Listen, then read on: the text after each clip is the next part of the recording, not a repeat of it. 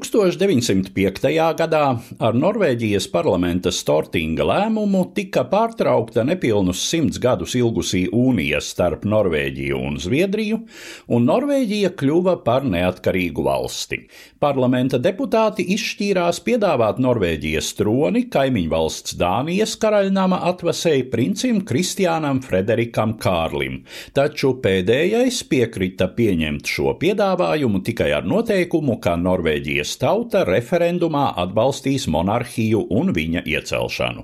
Kad tas notika, jaunā karaliskā ģimene ieradās Oslo, kur dāņu princis, turpinot viduslaiku Norvēģijas karaļu līniju, kronējās kā Hokons VII.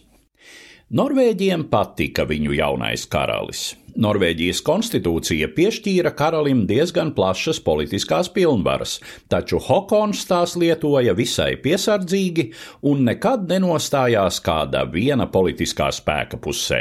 Savā ārpolitikā Norvēģija, tāpat kā tās skandināvu kaimiņu valstis, centās ieturēt neutralitāti, kas gan nācās grūti 20. gadsimta lielajos militārajos konfliktos.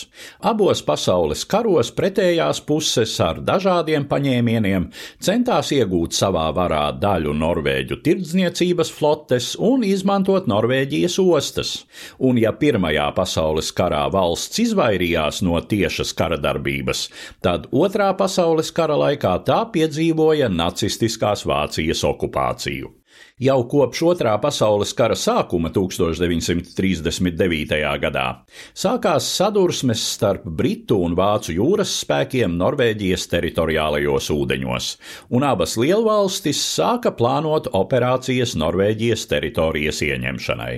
Izšķirošais jautājums bija pieeja Zviedrijas dzelzsrūdas atradnēm, kuras apgādāja Vāciju un varēja tikt apdraudētas no Norvēģijas.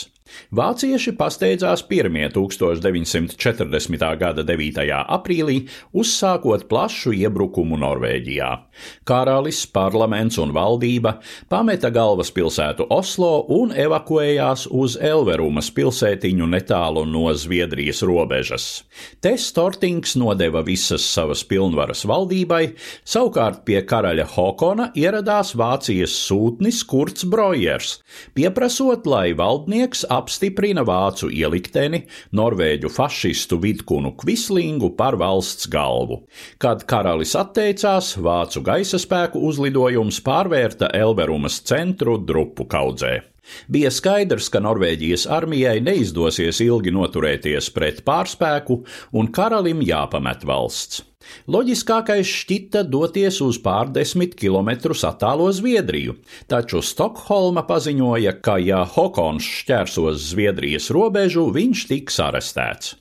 Tikām Britiem un Frančiem bija izdevies izcelties Ziemeļu ostas pilsētā Narvikā, savienoties ar norvēģu spēkiem un atspiest vāciešus uz dienvidiem.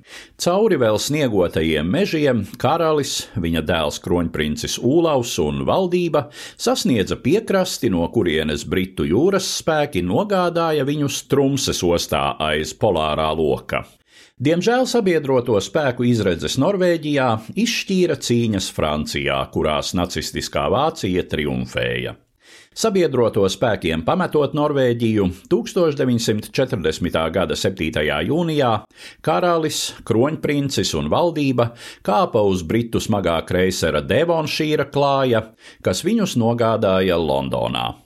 Te norvēģu valdnieks pavadīja atlikušos kara gadus, uzmundrinādams savu nāciju regulārās radiouzrunās un kļūdams par simbolu norvēģu tautas pretestībai nacistu okupantiem. Mājās karalim Hokonam VII bija lemts atgriezties tieši piecus gadus pēc došanās trimdā - 1945. gada 7. jūnijā. Stāstīja Eduards Liniņš.